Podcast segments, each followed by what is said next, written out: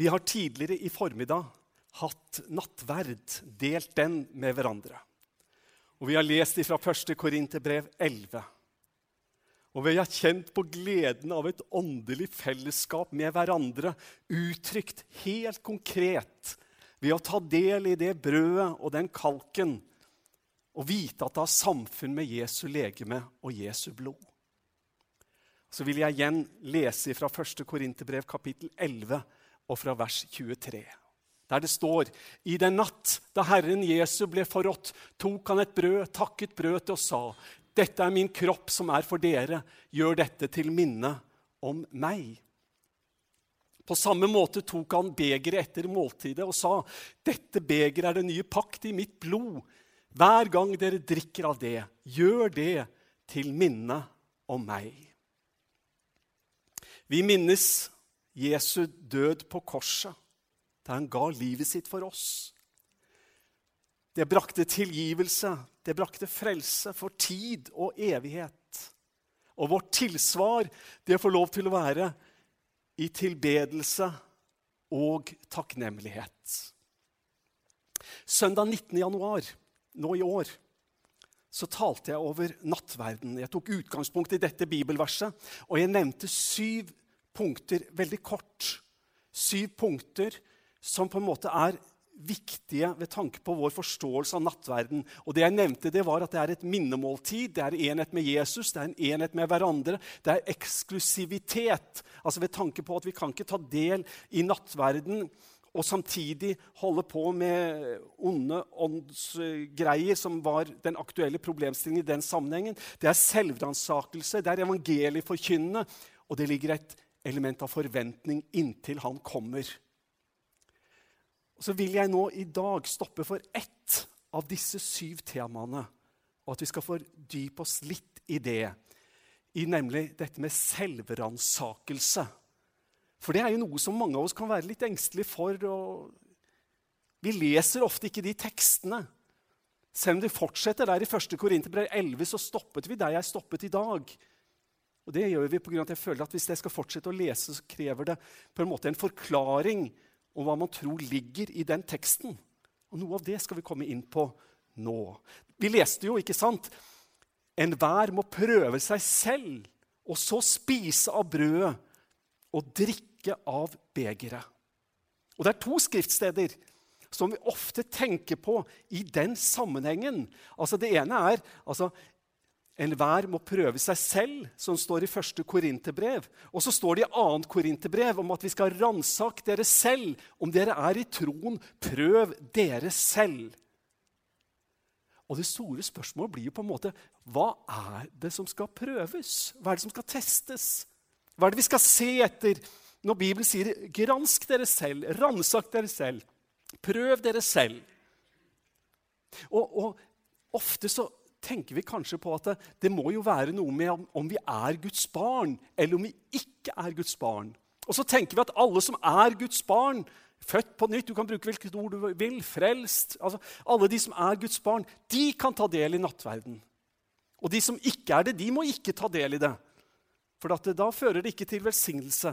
Så det man skal granske seg selv om der man sitter, det er er jeg et Guds barn.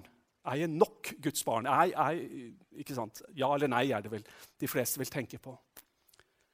Og så tenker jeg, er det det Paulus oppmuntrer menigheten i Korint til å granske i sitt eget indre er jeg et Guds barn eller ikke? For veldig mange av oss vi tenker jo at det eneste viktige spørsmålet, ja, det desidert viktigste spørsmålet, det er jo det er jo det at vi får komme til himmelen en dag. Det er det eneste viktige, liksom. Men det er det jo ikke. Det, det kan jo ikke være riktig at det er det eneste viktige. Du, hva skal vi gjøre? Jo, vi skal sørge for at vi kommer til himmelen. Får jeg lov til å si det kanskje litt illustrativt? Det å få oss til himmelen, det tar Gud seg av. Det er et Guds verk, det er en Guds gave. Det er noe bare vi får ta imot. Det er ikke noe vi trenger å holde på og streve med hele livet, at vi skal komme til himmelen. Det er jo fort gjort. Det er å ta imot Guds nåde og det verk som Jesus har gjort på korset. Vi må jo kunne tro at når Jesus ropte 'det er fullbrakt', så betydde det virkelig noe. Så det å komme seg til himmelen det trenger vi ikke være så engstelige for. For det er Guds verk. Vi får lov til å bare ta imot et fullkomment og fullført forsoningsverk. Men det vi skal gjøre, det er gode gjerninger. Jeg vet at dette høres litt fremmed ut. Men Gud har gitt oss x antall år, og vi skal forvalte et liv. Og jeg tror at det som står i 1. Peter kapittel 4, er superrelevant når vi tenker på at Paulus sier at vi skal granske oss selv og la liksom lyset skinne innover våre egne liv. For Peter skriver Tjen hverandre, hver og en med den nådegave han har fått, som gode forvaltere av Guds mangfoldige nåde. Er ikke det et spennende bibelord? Altså, Peter sier nå må dere tenke på at dere må tjene hverandre. Og så bruker han dette ordet 'gode forvalter', og så legger han til og med 'av Guds mangfoldige nåde'. Det er noe som jeg tror de fleste av oss kan slite med og kjenne på at vi har mye land å innta. Her er det store forbedringspotensialet. Og ikke bare i forbindelse med brødsbrytelse, men særlig da. Men jeg tror virkelig at vi trenger å granske oss selv og ransake oss selv og prøve oss selv for å se hvordan lever vi livet våre. Og grunnen til at jeg tror at den teksten om å granske seg selv og ransake seg selv så vidt sjelden blir sitert, det er at vi automatisk tenker at det, må, det har kanskje noe med om vi kommer til himmelen eller ikke. Og vi vil jo ikke så tvil. På en måte så prøver vi også å si til folk at du kan hvile i frelsen, og vi ønsker å bygge frelsesvisshet hos folk. Det tror jeg er viktig. Og Samtidig som vi gjør det, så er det jo vanskelig det å si at du må granske deg selv og finne ut om du er på riktig vei på himmelveien eller om du er på vei mot en evig fortapelse. Altså, Det blir en dobbeltkommunikasjon når det er sånn vi forstår de tekstene. At vi bare på en måte har en tendens til å ignorere de. Og Derfor tror jeg vi setter altfor lite fokus på hvordan vi lever våre liv. For det er ikke først og fremst et frelsesspørsmål for det har Jesus tatt seg av når han døde for oss i vårt sted på korset. Han har åpna veien for oss, og han gir oss frelsens gave. Men vi har et forvalteransvar. Og det må vi ikke glemme, for det tror jeg er så viktig. Du, Tilbake igjen til første Korinterbrev, kapittel 11. Altså, Enhver må prøve seg selv, og så spise av brød og drikke av begeret. Men så fortsetter det jo, ikke sant, som jeg har nevnt. For den som spiser og drikker uten å tenke på at det er Herrens kropp, spiser og drikker seg selv til doms. Og Det er jo veldig sterke ord. Og Hvis man tar disse i den retningen som jeg har advart mot, så, så, så kan jo det skape mange tanker og mye fortvilelse og mye angst og mye frykt. Jeg tror det er to åpenbare tolkninger av dette bibelordet. Og Begge to synes jeg er så selvfølgelige at det er umulig for meg å si egentlig hva Paulus tenkte på. Jeg tenker at det, kanskje begge deler er, er, sant og viktig for oss å legge merke til og, og, og, reflektere over. Det ene er jo det åpenbare at det, de ikke gjør forskjell på Herrens legeme. De kommer sammen, de har nattverd. Noen sitter med kjempemåltider, andre sitter uten noen. Noen drikker seg fulle så de omtrent ligger under bordet. Altså, dette er nattverdspraksisen fra korintermenigheten. Og Paulus syns ikke det er bra. Og han sier at sånn skal det ikke være når dere kommer for å feire nattverd. Dere gjør ikke forskjell på Herrens legeme. Altså, man skiller ikke på nattverden med, med, annen vanlig mat, eller festmat i denne sammenhengen. Og det, det er en uverdig måte. Det er den ene åpenbare advarselen som ligger i det Paulus sier. Men det andre det, det, det har en litt videre og en litt annen betydning som jeg tror er, er viktig for oss å reflektere over. Kapittelet etterpå, kapittel 12, der ser jeg på noen vers fra vers 12 til 26. De få versene. Og da utvikler Paulus i de versene noe som jeg igjen tror er relevant til dette. For Paulus taler da om, om Kristi legeme. Han taler om menigheten. Og i de versene Jeg bare tok og highlighta de her. Så her ser dere den teksten. Og så kan noen av dere Men det er ikke så godt lys til dem. Dere ser at det, der er det 18 sånne highlights. Det er de uttrykkene hvor Paulus bruker kropp eller kroppen eller kroppsdel. Altså dette veldige fokuset på kropp som en del av Guds menighet. Altså Menigheten er Jesu kropp.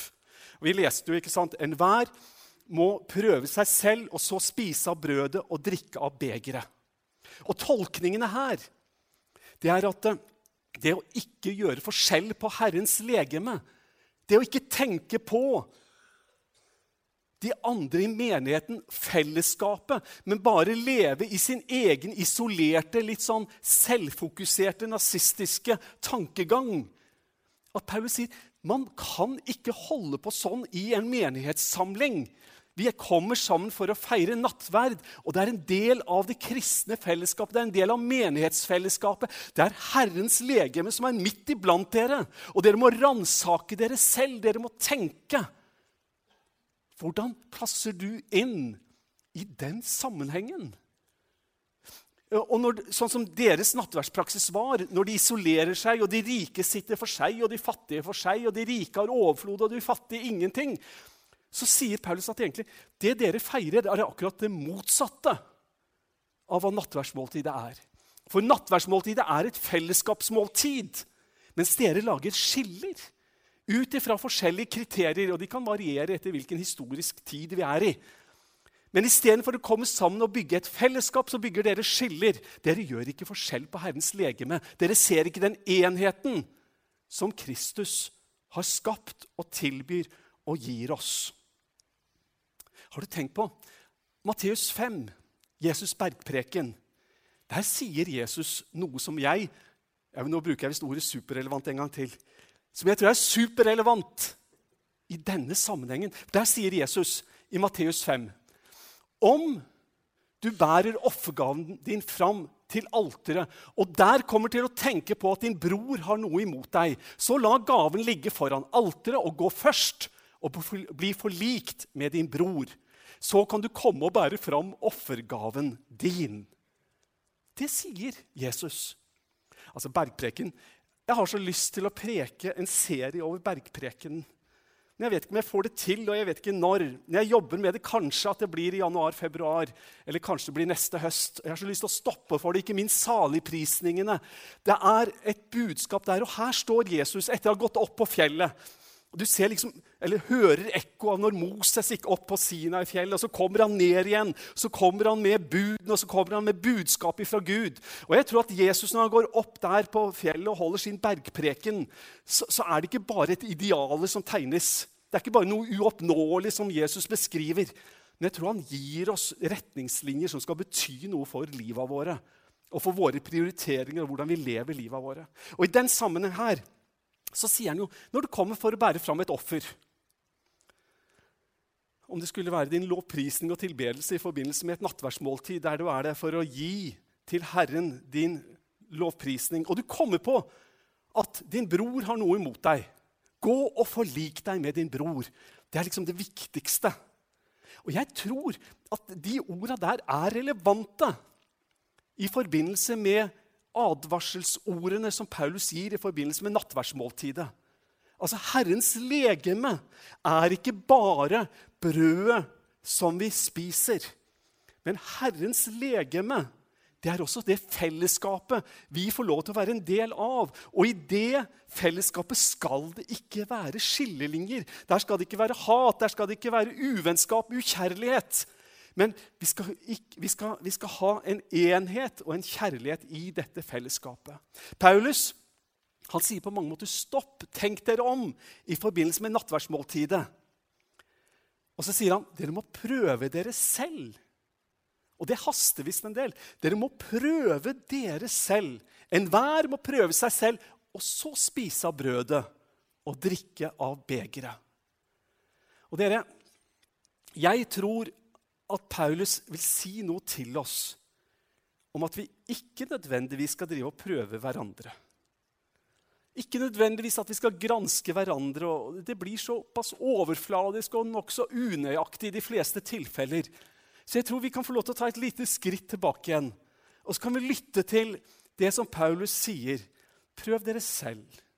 La, se deg sjøl litt i speilet. Tenk litt over dine egne prioriteringer. Tenk litt over hva du sier. Se litt bakover i livet ditt. Blomstrer og, og, og, og, gror det av kjærlighet og godhet? Eller er det bare krangling og mirakels og elendighet? Altså, Se deg litt i speilet og se litt bakover og se hvordan livet er. Og så skal ikke det være til fordømmelse. Men vi tror jo på en Gud som har makt til å forandre, til å forvandle, til å sette ting i rett skikk. Og så er det så tydelig. Altså, Enhver må prøve seg selv, og så spise av brødet. Eller som Jesus sa, 'Godt å forlike deg. Kom så med ditt offer.' Altså, Det han presenterer oss, er en vei ut av dette negative, nedadgående, som bare river ned, og som aldri bygger opp. Prøv dere selv, og så legg det bak. Sett kursen med riktig retning, og kom så og ta del i nattverdsmåltidet. Jeg siterte jo fra 2. Korinterbrev. Eh, Ransak dere selv om dere er i troen. Prøv dere selv. Jeg siterte der. Jeg må ta bare noen minutter og kommentere det verset også. Verset, To vers før, dette er vers 5 i 2. Korinterne 13. I vers 3 så står det For dere krever jo, at bevis, jo et bevis på at Kristus taler gjennom meg. Og så kommer vi til vers 5. Ransak dere selv. Om dere er i troen, prøv dere selv. Igjen jeg tror ikke at Paulus mener nå må dere ransake dere selv og finne ut om dere er Guds barn. Det er ikke fokus i denne sammenhengen. Eh, Paulus og hele 2. Korinterbrev er jo et merkelig brev.